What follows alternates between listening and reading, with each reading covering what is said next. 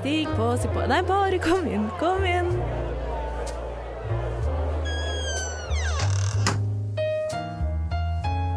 Her i lobbyen er det plass til alle sammen.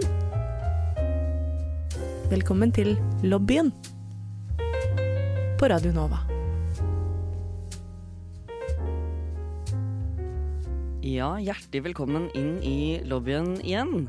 I dag så har jeg med meg Iselin Hallo, hallo, hallo.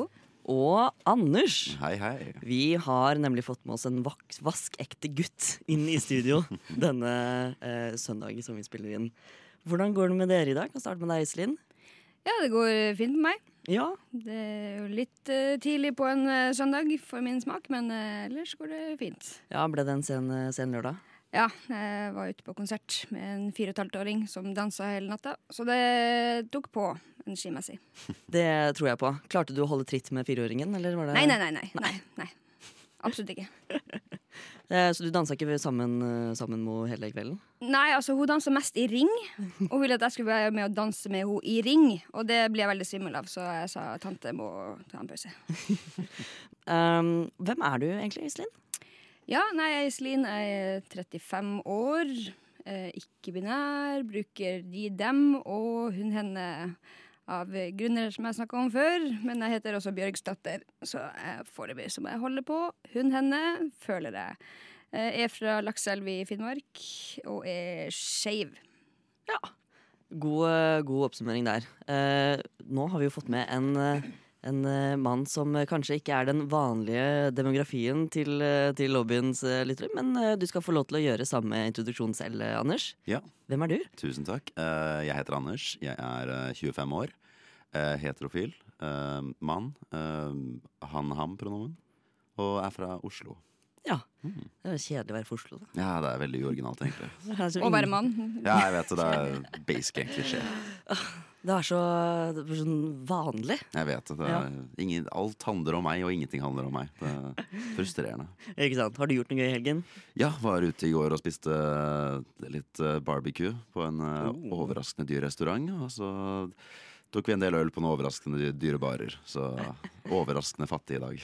Foreløpig veldig mye mann. Barbecue og øl! Ja, det var en litt klisjé jeg gikk inn i. Skal, det skal sies. Det, Du oppfyller mange stereotyper eh, allerede to minutter inn i denne episoden. jeg føler det er derfor jeg er her. Få litt stereotyper inn i denne vanligvis eh, mye bedre podkasten. Ja, men det, eh, det er viktig å kunne både bekrefte og avkrefte visse stereotyper i dag. Um, selv er jeg Chris. Jeg er 26 år gammel. Um, bruker pronomen hen og er skeiv og kjønnsskeiv og er fra Fredrikstad. Det hører ikke folk til vanlig, men i går så var jeg ute og drakk litt parøl. Og når jeg får meg parøl, så blir det Fredrikstad-bonanza. Da, da blir det bileier og båter. Blir det shorts? Det blir shorts. Ditt favorittord fra denne podkasten her. Eh, ja, jeg bruker den til shorts. Det er shorts. Shorts. Shorts. Ja. Det er kjapt ute. Det skal være så kjapt som mulig, så får jeg liksom bare sagt det sånn spytta det ut av munnen. Er Veldig kjapt. Eh, Det, det, det er meg, da. Så det Fredrikstad er fint, det. Eh, Nei, kanskje lite grann. Litt. Nei, jeg liker meg i Oslo. Um, I dag så skal vi eh, snakke om noe som eh, angår eh, deg, eh, Anders. Mm. Eh, og det, er en, eh, det var en merkedag som var eh, fredag eh, forrige uke. Um, har du lyst til å fortelle hva slags dag det var? Ja, på fredag forrige uke så var det mannsdagen. Den Ja. internasjonale mannsdagen som har blitt uh, feiret siden jeg lurer på om det er 80- eller 90-tallet. Eh, ikke feiret og feiret, den har blitt markert og fantes siden 80- og 90-tallet. Og har vært en dag for uh, Den har vært variert på dager, men er hovedsakelig for at skal snakke om issues for menn og hva som foregår der. Har også blitt brukt for litt sånn andre, mindre hyggelige formål. Men uh, hovedsakelig i dag så blir den brukt som en merkedag for å snakke om menn sin psykiske helse, hvordan det går med menn og slike ting. Ja, for vi har jo allerede kvinnedagen, som er eh, 8. mars. Eh, og så finnes det også faktisk ikke-binærdagen, som er midt imellom 8. mars og 19. november. Nå husker jeg ikke helt når det er, men det er en sånn juli en gang. Um, så det er jo eh, eh, en litt mindre kjent dag. Men um, man er veldig kjent med kvinnedagen, men mannsdagen er også en uh, merkedag som jeg tenker eh, mange eh, Hvis man ser for seg kvinner som er litt sånn mannsekskluderende, da. Når man kommer til feminisme, så eh, handler jo det om likhet mellom alle kjønnene. Eh, ikke om nødvendigvis kvinner først, men likhet for alle kjønn. Og at noen da blir sånn Her trenger menn en egen dag. Uh, menn har jo liksom hver eneste annen dag er jo mannsdagen. Mm. Men så er det sånn, ja, når det kommer til menns psykiske helse og liksom hvordan det går med menn, så er vi egentlig ikke så flinke på det. altså. Ikke egentlig. Og det skal vi snakke om i dag.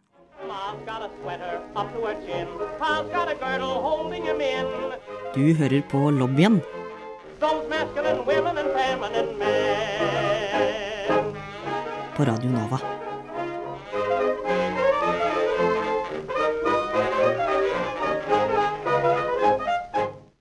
Ja, tema for dagens episode er menn og mannsdagen. Og vi har jo som sagt fått med Anders, en vaskeekte mann. Og Anders, når var det du fant ut at du var uh, mann? Det, jeg tror faktisk egentlig aldri det var liksom noe som jeg oppfattet som et valg. Som noe som var noe jeg måtte ta stilling til. For jeg, for jeg var barn, så var det sånn Du er gutt, og så ble det du er tenåringsgutt, og så på et tidspunkt en dag snart kanskje jeg blir mann. Og så liksom går det en overgang der. Det, er som bare, bare, det var liksom aldri noe man når jeg skulle stille spørsmål med. Nei, ikke sant? Det var som at eh, Ja, det var liksom bare gutt. Husker du noe tidspunkt hvor du merket at um, det var på en måte forskjell mellom gutter og jenter da du vokste opp? Jeg husker at det var jeg på å si, man drev med andre fritidsaktiviteter. De gikk på det er veldig klisjé, de gikk på dans, jeg gikk på fotball. Ikke at jeg likte fotball, men uh, Ville du heller gått på dans? jeg, jeg, jeg tror jeg, var, jeg hadde sett nok på TV at det skulle man ikke gjøre. Så da var jeg redd for det også. Men det var mye annet jeg heller skulle gjort enn å gå og spille fotball. Men det er egentlig veldig interessant det med at uh, du helst ikke skulle gjøre det pga. hva andre uh, mente. Mm. Um, når, når var det du tidligst oppdaget, eller, eller opplevde det, at du ble fortalt at du ikke kunne gjøre noe fordi du var gutt? Ja, var, sånn- jeg fikk aldri spesifikt beskjed som dette kan du ikke gjøre fordi du er gutt. Men da var jeg, følte at det slags sånn Folk så rart på meg. Eller sånn Jeg følte at det var noe som Nei, dette er jo det de andre skal gjøre. Jeg husker sånn jeg, Med en eh, min sånn første venninne som jeg har hatt fra jeg var én uke gammel. Vi lekte veldig mye sammen. Og sånn, vi lekte uh, liksom å spille Sims og leke med dokker og sånn. Så jeg syntes ja, dette var gøy. Men uh, så skjønte jeg fort at sånn, der, ingen andre gutter gjør dette her. Kanskje jeg burde slutte med dette her. Å nei, å nei. Ja, uh, Eh, hva med deg, Iselin? Likte du med dukker da du vokste opp? Jeg hadde jo Action Man, eh, og søsteren min hadde jo Barbie. Så eh, vi lekte jo sammen sånn, sånn sett, da. Eh, men eh, jeg hadde ikke så mye Jeg hadde ikke noen andre dukker. Det hadde jeg ikke. Jeg hadde mest Lego. Det jeg drev med da fra jeg var liten. Men du Iselin, du er jo ikke-binær. Mm. Um, og det blir man jo ikke tildelt ved fødsel her i Norge. Um, fordi det kun finnes to uh, kategorier som man kan kategoriseres som uh, når det kommer til uh, kjønn i Norge. Um, hvordan var det du oppdaget at det var ikke-binær du var?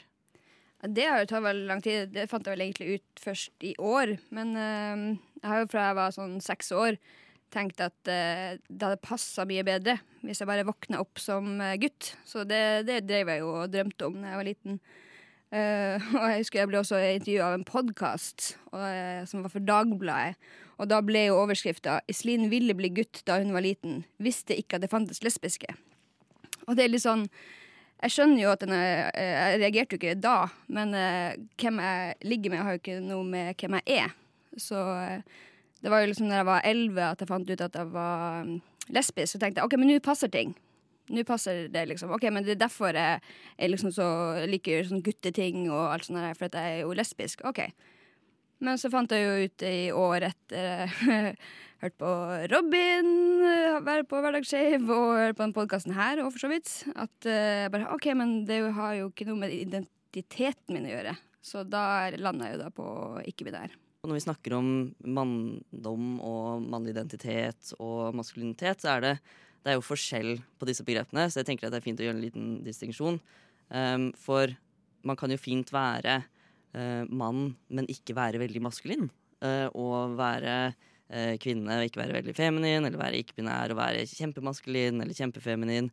Det er jo ikke sånn at kjønnet og presentasjonen av ditt eget kjønn og identiteten nødvendigvis trenger å være altså Det er ikke hånd i hånd med mann og maskulinitet nødvendigvis. Og det liker jeg at eh, for du nevner, da, Anders, at du nødvendigvis ikke var en fotballgutt eh, da du vokste opp. Um, hvordan var det uh, da du vokste opp um, blant liksom gutta uh, og skulle um, like ting som var mindre maskuline, og såkalt mer feminine?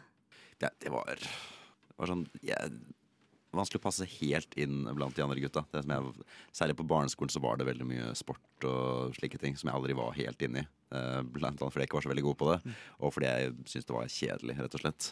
Så da som, drev jeg på med andre ting, men så fant jeg også andre aktiviteter som var innafor for gutter. Sånn uh, videospill og TV-serier og film og slike ting. Så jeg fant jeg liksom en slags nisje der. Men jeg skjønte ganske tidlig at stereotypiske maskuline ting så var det mange der som jeg ikke gled rett inn i. Mhm. Rett og slett. Var det en forventning fra de utenfor at du skulle, at du skulle gli inn i? Jeg tror det var en slags Ja, faren min var uh, trener for fotballaget vårt på barneskolen.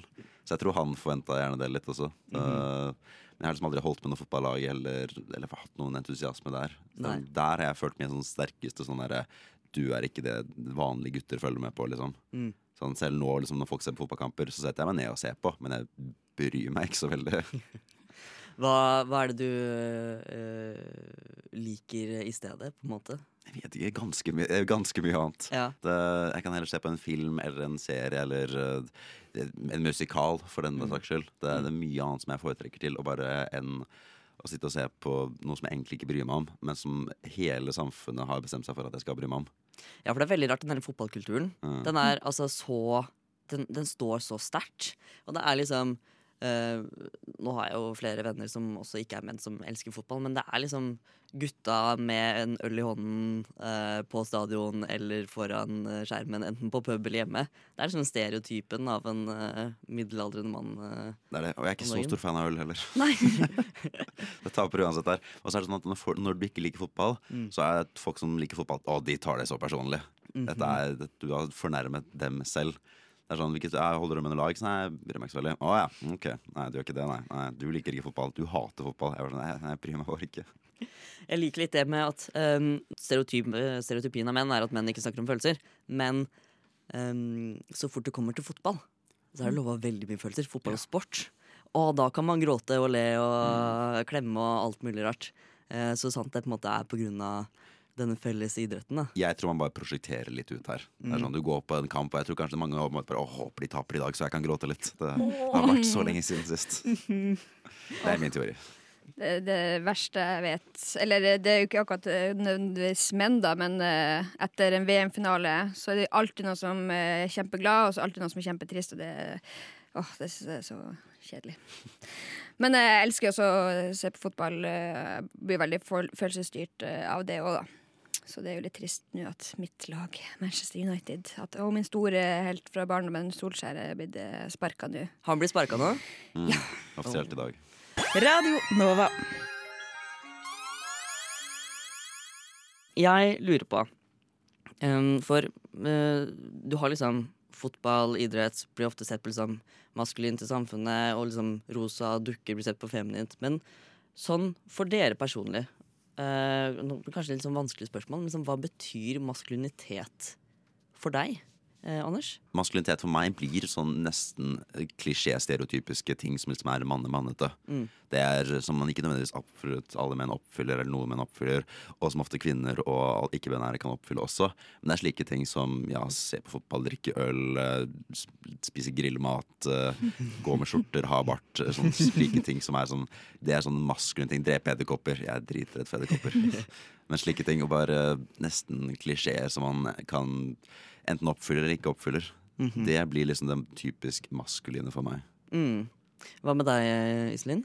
Ja, det at man er veldig sånn tøff og, tøff og røff, liksom. At man ikke er så følelsesstyrt. Og ja, Men det kan jo også være maskulinitet. Det kan jo også være en Don Juan, liksom, som er veldig sånn smooth. Så det er veldig sånn forskjell i hva jeg egentlig syns er maskulint, sånn sett. Dette med at den, som du da sier, Anders, at den maskuliniteten um, uh, Altså, alle kan ha den. Um, det, er ikke, det er ikke forbeholdt eh, eh, noen. Uh, og det tror jeg er veldig, veldig viktig.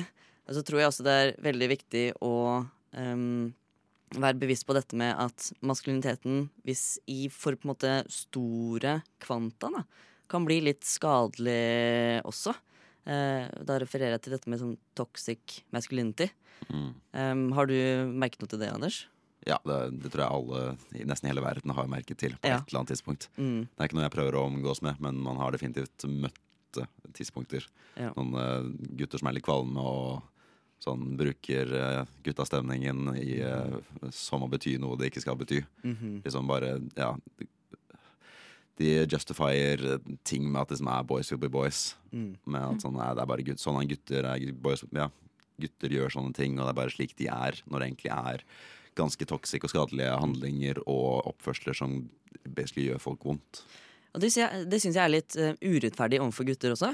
At samfunnet er sånn Å ja, men uh, de, bare, uh, de bare gjør sånn. Det er bare sånn det er meningen at det skal være. Da får vi jo ikke lært opp disse guttene um, hva som er rett og galt å gjøre. på en måte Hvordan man skal behandle hverandre med respekt. Hvis man er sånn, løfter opp det er Gjerne det der fra 17. mai når man går med flagg og løfter opp skjørtet til uh, jentene foran seg. Det var jo en greie som i hvert fall var sto da jeg vokste opp. Sikkert flere av dere også. Ikke egentlig i Finnmark. Vi har ikke så bra vær på 17. mai, så det var ikke så veldig mange som gikk i skjørt. Eh, nei, det var kanskje mer sånn boblebukse. Ja, Ja, det er veldig vanskelig. Hvis du får den helt opp, så er det god. Da, da er det greit. Nei, men uh, det å eh, være sånn ah, men Boys will be boys, det går fint. Så er det sånn Nei! Men nå, nå lærer dere skikkelig dårlige verdier til gutta deres. Sånn, Hvis man bryr seg om gutta, så må man faktisk si noe om at liksom, dette er ikke greit. Eller gjør, måtte gå heller inn på denne måten. da For at Mye blir jo avskrevet til at bare, ja, men gutter bare finner på ting. Istedenfor å være sånn eh, Nå skal vi eh, hjelpe hverandre med å eh, kanskje kommunisere litt bedre enn å løfte opp skjørtet. Som eh, ikke-binær eh, Iselin, hvordan har du på en måte forholdt deg til eh, det å presentere deg selv mer maskulint? Hvordan har du gått fram for å på en måte få det maskuline frem ved deg, da, slik at du blir lest mer um, som det kjønnet du er?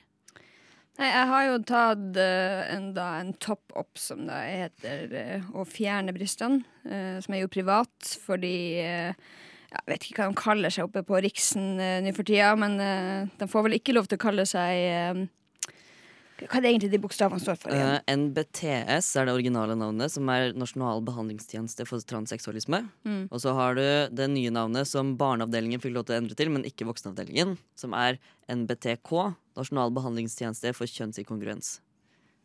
Ja. Yes. Ja, fordi at eh, de får vel ikke lov til å kalle seg det, for den behandler jo ikke ikke-binære. Eh, nei, så jeg, jeg tok jo den uh, privat, fordi det har vært en pandemi, og jeg brukte ikke feriepengene mine på noe, så da brukte jeg det på det. nei, eh, så det har jeg gjort, og så har jeg også fått meg en eh, Jeg husker aldri hva den heter, den sveisen her. Er en veldig kort sveis, da, som er veldig sånn, maskulin, vil jeg tro, da.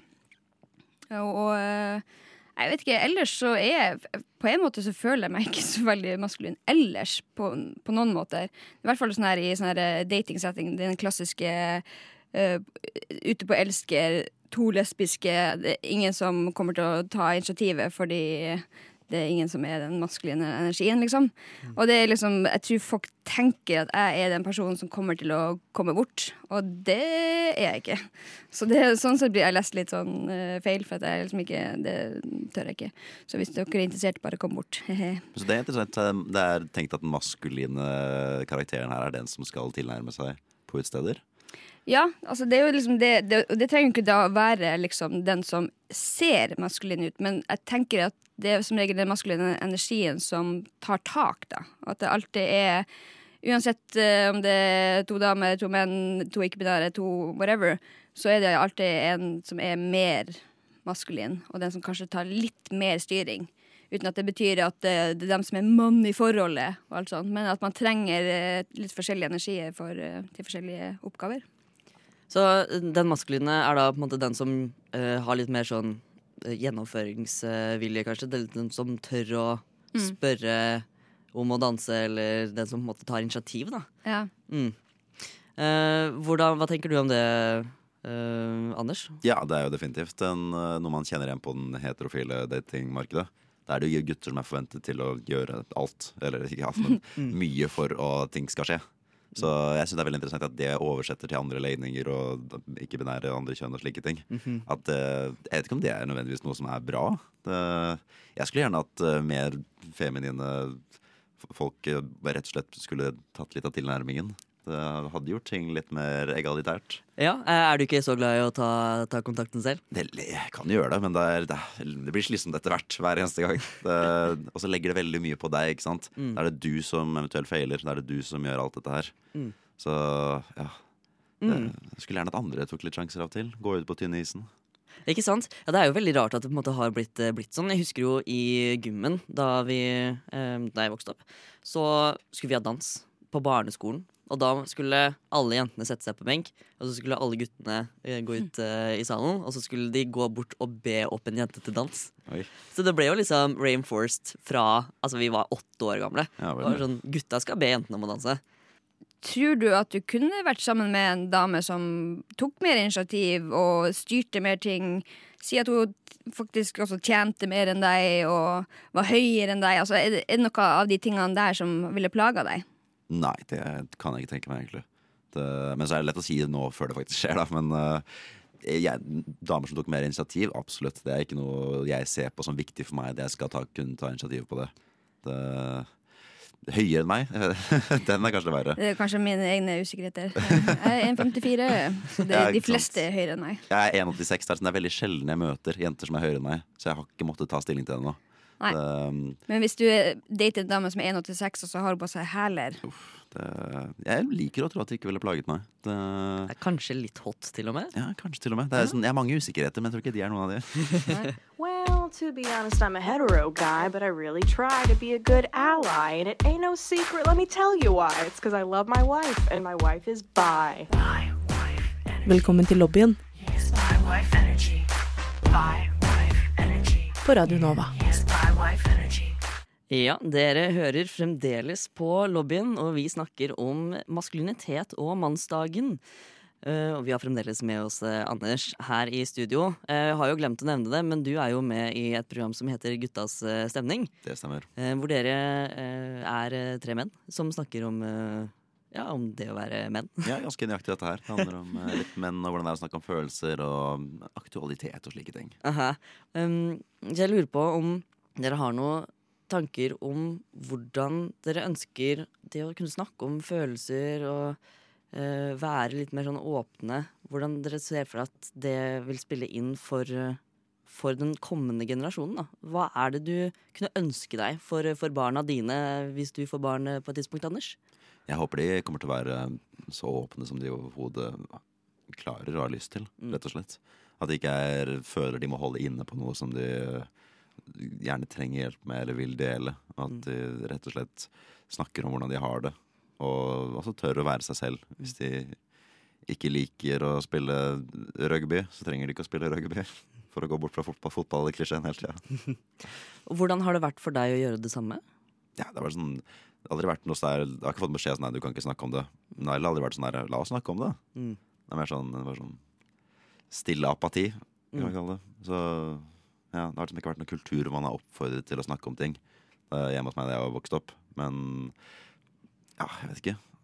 Det, Hvordan er det med, med kompiser og sånn? Eh, snakker dere om følelser uh, innad i gjengen der? Eller hvordan er det dere behandler liksom, det å slite med et eller annet? det er bedre. Absolutt. Ja. Det er gjennom, jeg er 25 år nå, og det har vært hatt som varierende vennegjenger opp gjennom livet. Men i min nåværende vending så er det mye mer akseptert. Folk spør ja, hvordan har du det. Trenger du en klem, liksom? Det, Som er veldig hyggelig å høre fra sine mannlige venner. Som, eh, og så har jeg en del jentevenner også, og de spør også litt sånn uh, oftere, egentlig. Mm. Men uh, når man faktisk hører det en sjelden gang fra sine mannlige venner, så betyr det, betyr det nesten mer.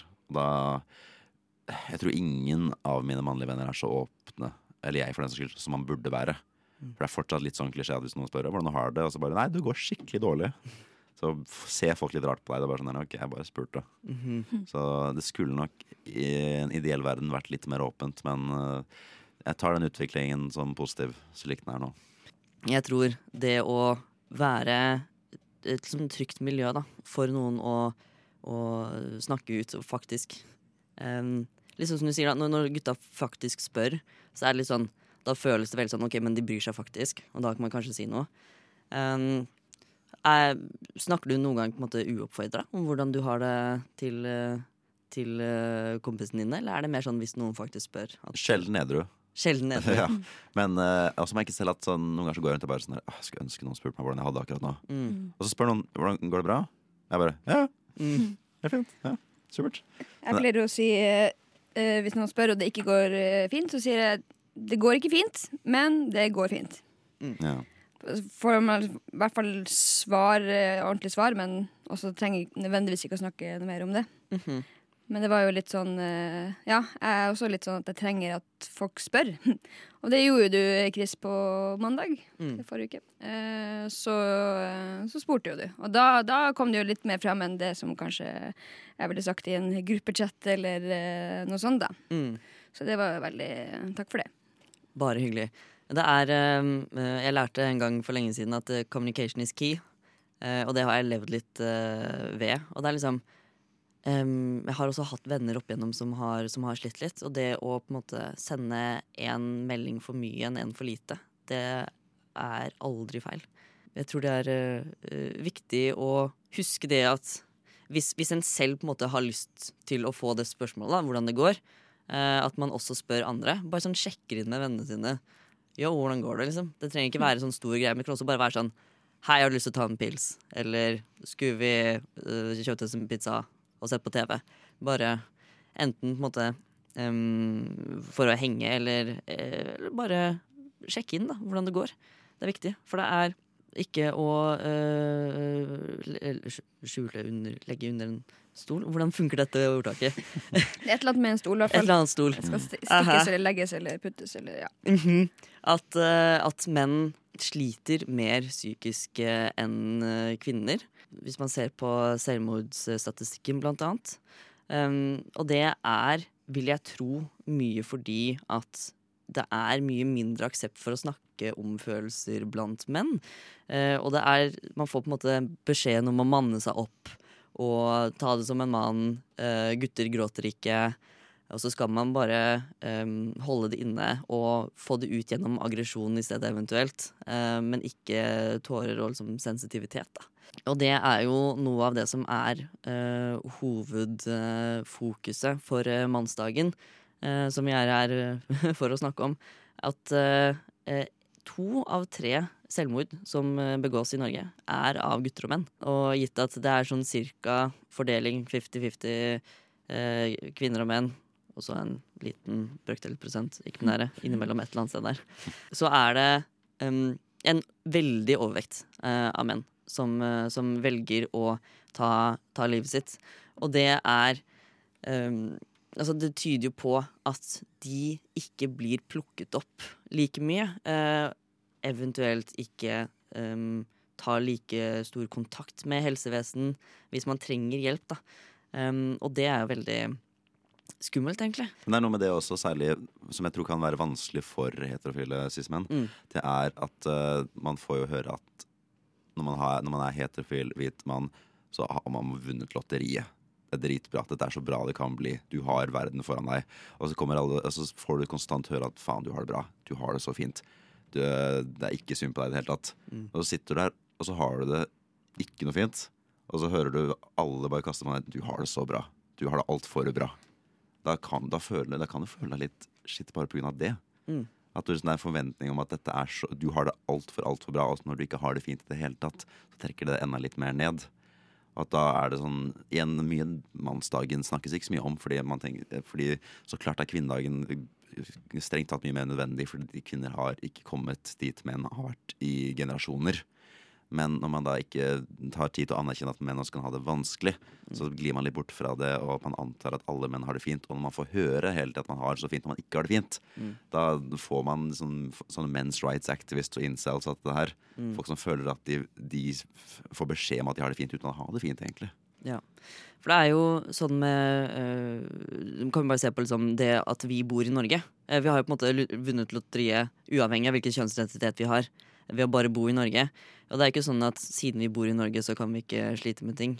Um, så det er altså Selv om man har mange forhold til rette, så betyr ikke det at du nødvendigvis automatisk har det superfett. Um, og det er viktig å kunne, kunne anerkjenne det også. At um, selv om man, man har uh, forholdene til rette, på en måte, fra sånn biologiens side, um, så trenger ikke det nødvendigvis um, være, være um, Hva heter det? Definerende for, for akkurat hvordan du har det som individ. Da. Mm. Er litt uh, personlig spørsmål, men har du selv uh, opplevd å egentlig skulle ønske å snakke med noen profesjonelle, men ikke, ikke gjort det pga. Liksom, uh, forventninger fra samfunnet utad? Ja, absolutt. Ja. Veldig. Det, sånn, selv jeg er alltid sånn veldig forkjemper for uh, psykisk helse og mental sånn her, Hvis du sliter, snakk med noen, det er veldig viktig. Mm. Og så gjør jeg det ikke selv. Nei. Sånn, det er fordi jeg vet det er en eller annen sperre der. Mm. Sånn, tenker at det er litt effort, da, sånn på si, da innrømmer at, at det er et problem. Mm. Som rett og slett Og at det er sånn, det er sånn Ja Klisjé sånn der, ja, det er ikke Menn skal bare deale med det. Heller snakke med en kompis istedenfor å snakke med en psykolog, som er en helt forferdelig tankegang. Mm. Men jeg tror den sitter inne hos en del menn allerede. Og når da kompisen din ikke spør hvordan du har det, så får du ikke snakket om det. Og så blir, den, så blir det bare verre, egentlig. Mm. Tror du det er noe som kan hjelpe for å liksom, få flere menn til å gå til psykolog? Jeg husker jeg reagerte veldig på da SIO hevet egenandelen for å få psykolog. Mm. De, det var bare sånn med sånn 100 kroner eller noe per time. Fra ingenting til 100. Mm. Men allerede det var slik en Du, du la, laget en sperre for at folk skulle gjøre det. Du gjorde det litt vanskeligere å oppsøke psykisk helse, som jeg tror er en helt forferdelig ting å gjøre. Ja. Du skal gjøre det så overhodet lett som du er å skulle søke hjelp. Og gjøre at det koster bare litt penger, allerede en mer hindring. Så jeg vil prøve å fjerne så mange hindringer som mulig. Nesten at ja, jeg vet ikke, kanskje på en måte at uh, når man kommer i en litt eldre alder, så skal man jo gå gjennom legen en gang i året. Bare for å ta en sånn general check-up. Og hvis man kunne ha det hos en psykolog, Mm. kanskje. Noe lignende. En gang i året så hadde du én time hos en psykolog. Som basically bare Nå skal du si fra om det går bra. Så kan vi ta en sjekk om du bør komme tilbake litt oftere, eller om du har det tipp topp tommel opp. Det er jo litt uh, vanskelig å bare finne en psykolog. Altså Selv om du har eh, sånn som jeg har en fast jobb, og eh, alt eh, ligger til rette og har helseforsikring som dekker også psykologtimer ti timer i året, så er det jo likevel at du må finne noen. Altså sånn, Det er jo et, et hav av folk. Hvordan skal du vite at den personen er riktig for deg? Så det er også, Der er det også altfor mye valg, og blir for overveldende kanskje for mange som ikke er vant til å måte, forholde seg til de tingene der. Så Sånn sett burde det vært en sånn derre Hva trenger du hjelp med? OK, det her. Og så får du den her personen. Og så slipper du liksom å gå og lete gjennom alle de psykologklinikkene og alt mulig rart i Oslo. For det er det jeg driver med nå, for jeg skal få meg ny psykolog. Og det øh, jeg har ikke kommet meg noe videre med det. For det er så slitsomt. Ja, det, eh, jeg skulle hjelpe mm, en venn med å få seg ny psykolog en gang. Og det er jo altså, et hav. Du kan gå inn på legelista eh, og se på folk, men liksom, du finner jo ikke noe særlig ut av hva de er gode på. Eller liksom, det er veldig begrensa hva slags informasjon du får tak i. da Så det blir, sånn, det blir en ekstra hindring bare det å klare å finne en psykolog. Hvis du først har vært sånn OK, nå skal jeg finne en psykolog. Så må du faktisk finne den, og det er utfordringen i seg selv. Og så er det ventetid, ikke sant. Gjerne flere måneder før man får time. Um, dette som du sa med en uh, generell sjekkup eh, en gang i året, Anders, det syns jeg er uh, en veldig veldig fin tankegang. For alle mennesker har både en fysisk og en psykisk helse. Og eh, det er så eh, kjipt at det har blitt så stigma rundt det å skulle eh, snakke om sin eh, psykiske helse, når det på en måte er en like viktig del av hverdagen som eh, den fysiske. Hvis du er forkjøla, så drar du på apoteket og uh, kjøper kanskje noe hostesaft eller noe nesespray. Og hvis du uh, f.eks. sliter med sorg, da. Hvis du har mista noen eh, kjærlighetssorg eller mista et familiemedlem eller uh, dyr eller noe sånt noe, så burde man kunne altså, få noe mot det, det også, som da gjerne er i form av samtaleterapi. da. Gjerne det som man trenger, å få sortert, sortert uh, tankene. Um, det er så kjipt at man skal uh, synes uh, synd på de som har brekt beina og forståelse for det, men ikke forstå noen som ligger inne pga. angst, f.eks.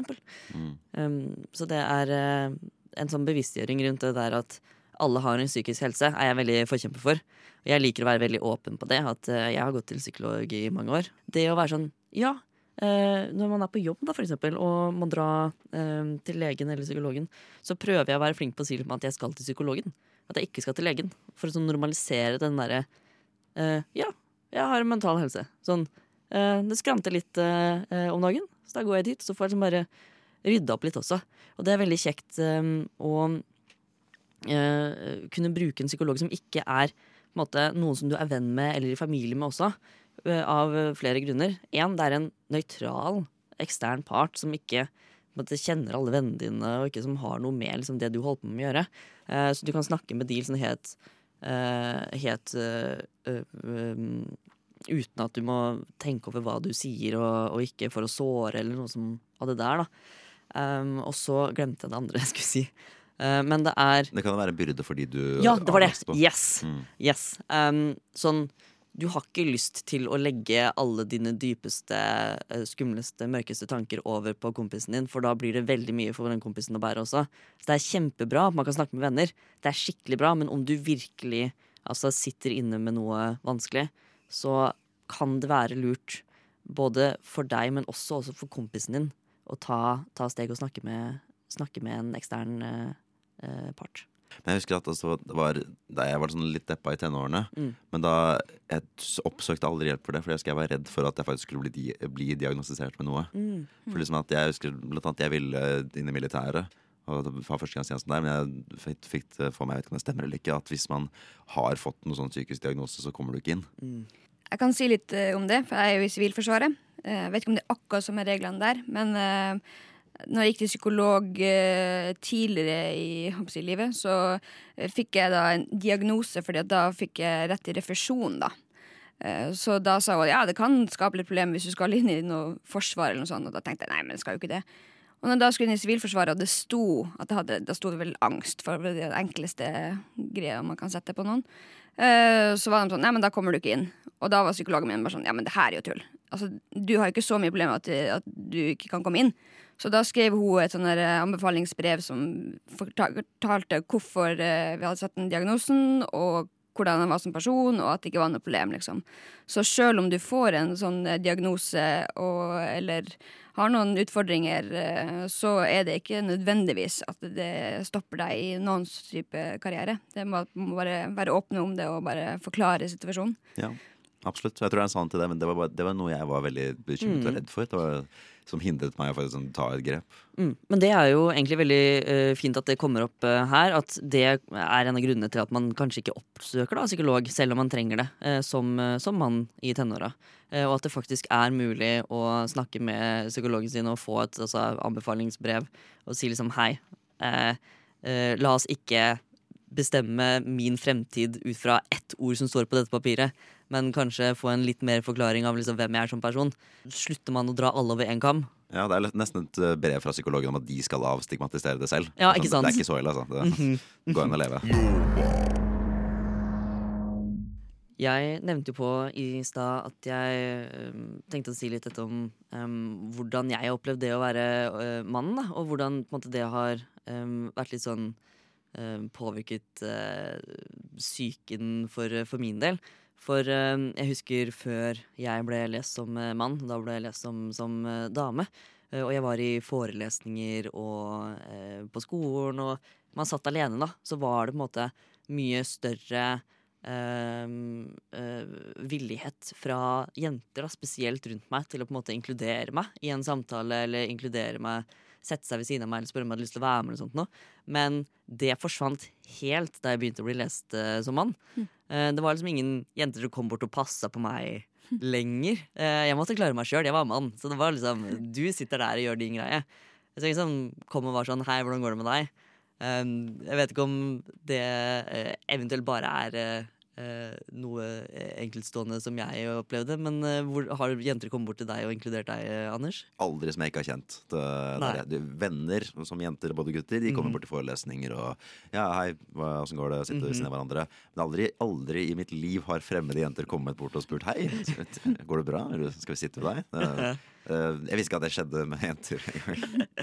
Nei, nei eh, ikke alle Jeg håper ikke alle jenter. Eh, bare de spesielle. Nei, men eh, ikke i alle situasjoner. Men i noen situasjoner så skjer det mer. Spesielt hvis, det er, hvis du er et nytt sted. Hvis du har en ny forelesning, nytt fag, ny jobb, et eller annet. At folk kommer bort og er sånn Hei, hvordan går det med deg?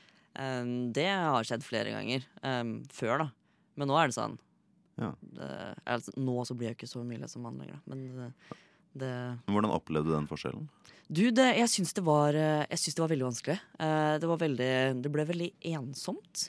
Um, for jeg var på en måte vant til å kunne føle meg som helt del av litt større fellesskap. Det var på en måte greit å smile til folk, men jeg ble liksom ikke smilt til like mye tilbake lenger.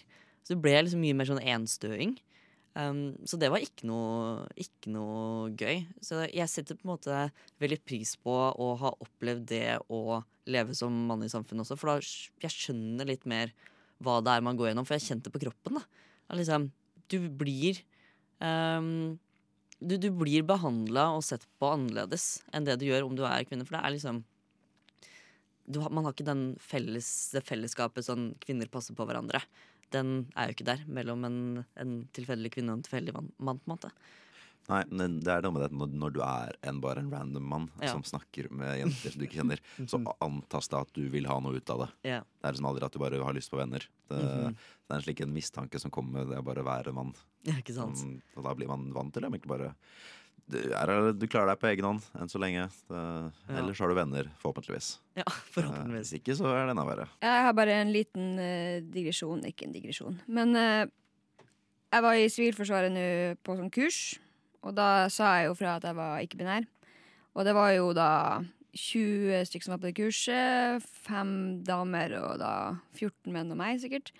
Og uh, det var, var det en dag jeg hadde Altså, det, det må ha vært veldig tydelig at jeg ikke hadde det noe bra, for jeg var jo ikke den jeg pleide å være de andre dagene. Men det var liksom ingen som tok kontakt og spurte om det gikk bra. liksom. Det, var sånn, jeg, det føler jeg liksom har skjedd før. Men jeg føler kanskje det var at uh, Nå tenkte jeg meg at eh, nei, det her er en litt mer maskulin person. Så jeg føler at det, det kan være noe i det. At folk tenker uh, Folk som er maskuline, som kanskje har uh, en dårlig dag. Nei, vi spør ikke. vi... De vil sikkert ikke snakke om det. Eller, ja. Alle har følelser. Alle trenger å snakke om følelsene sine. Jeg synes det. Vi slår et slag for det.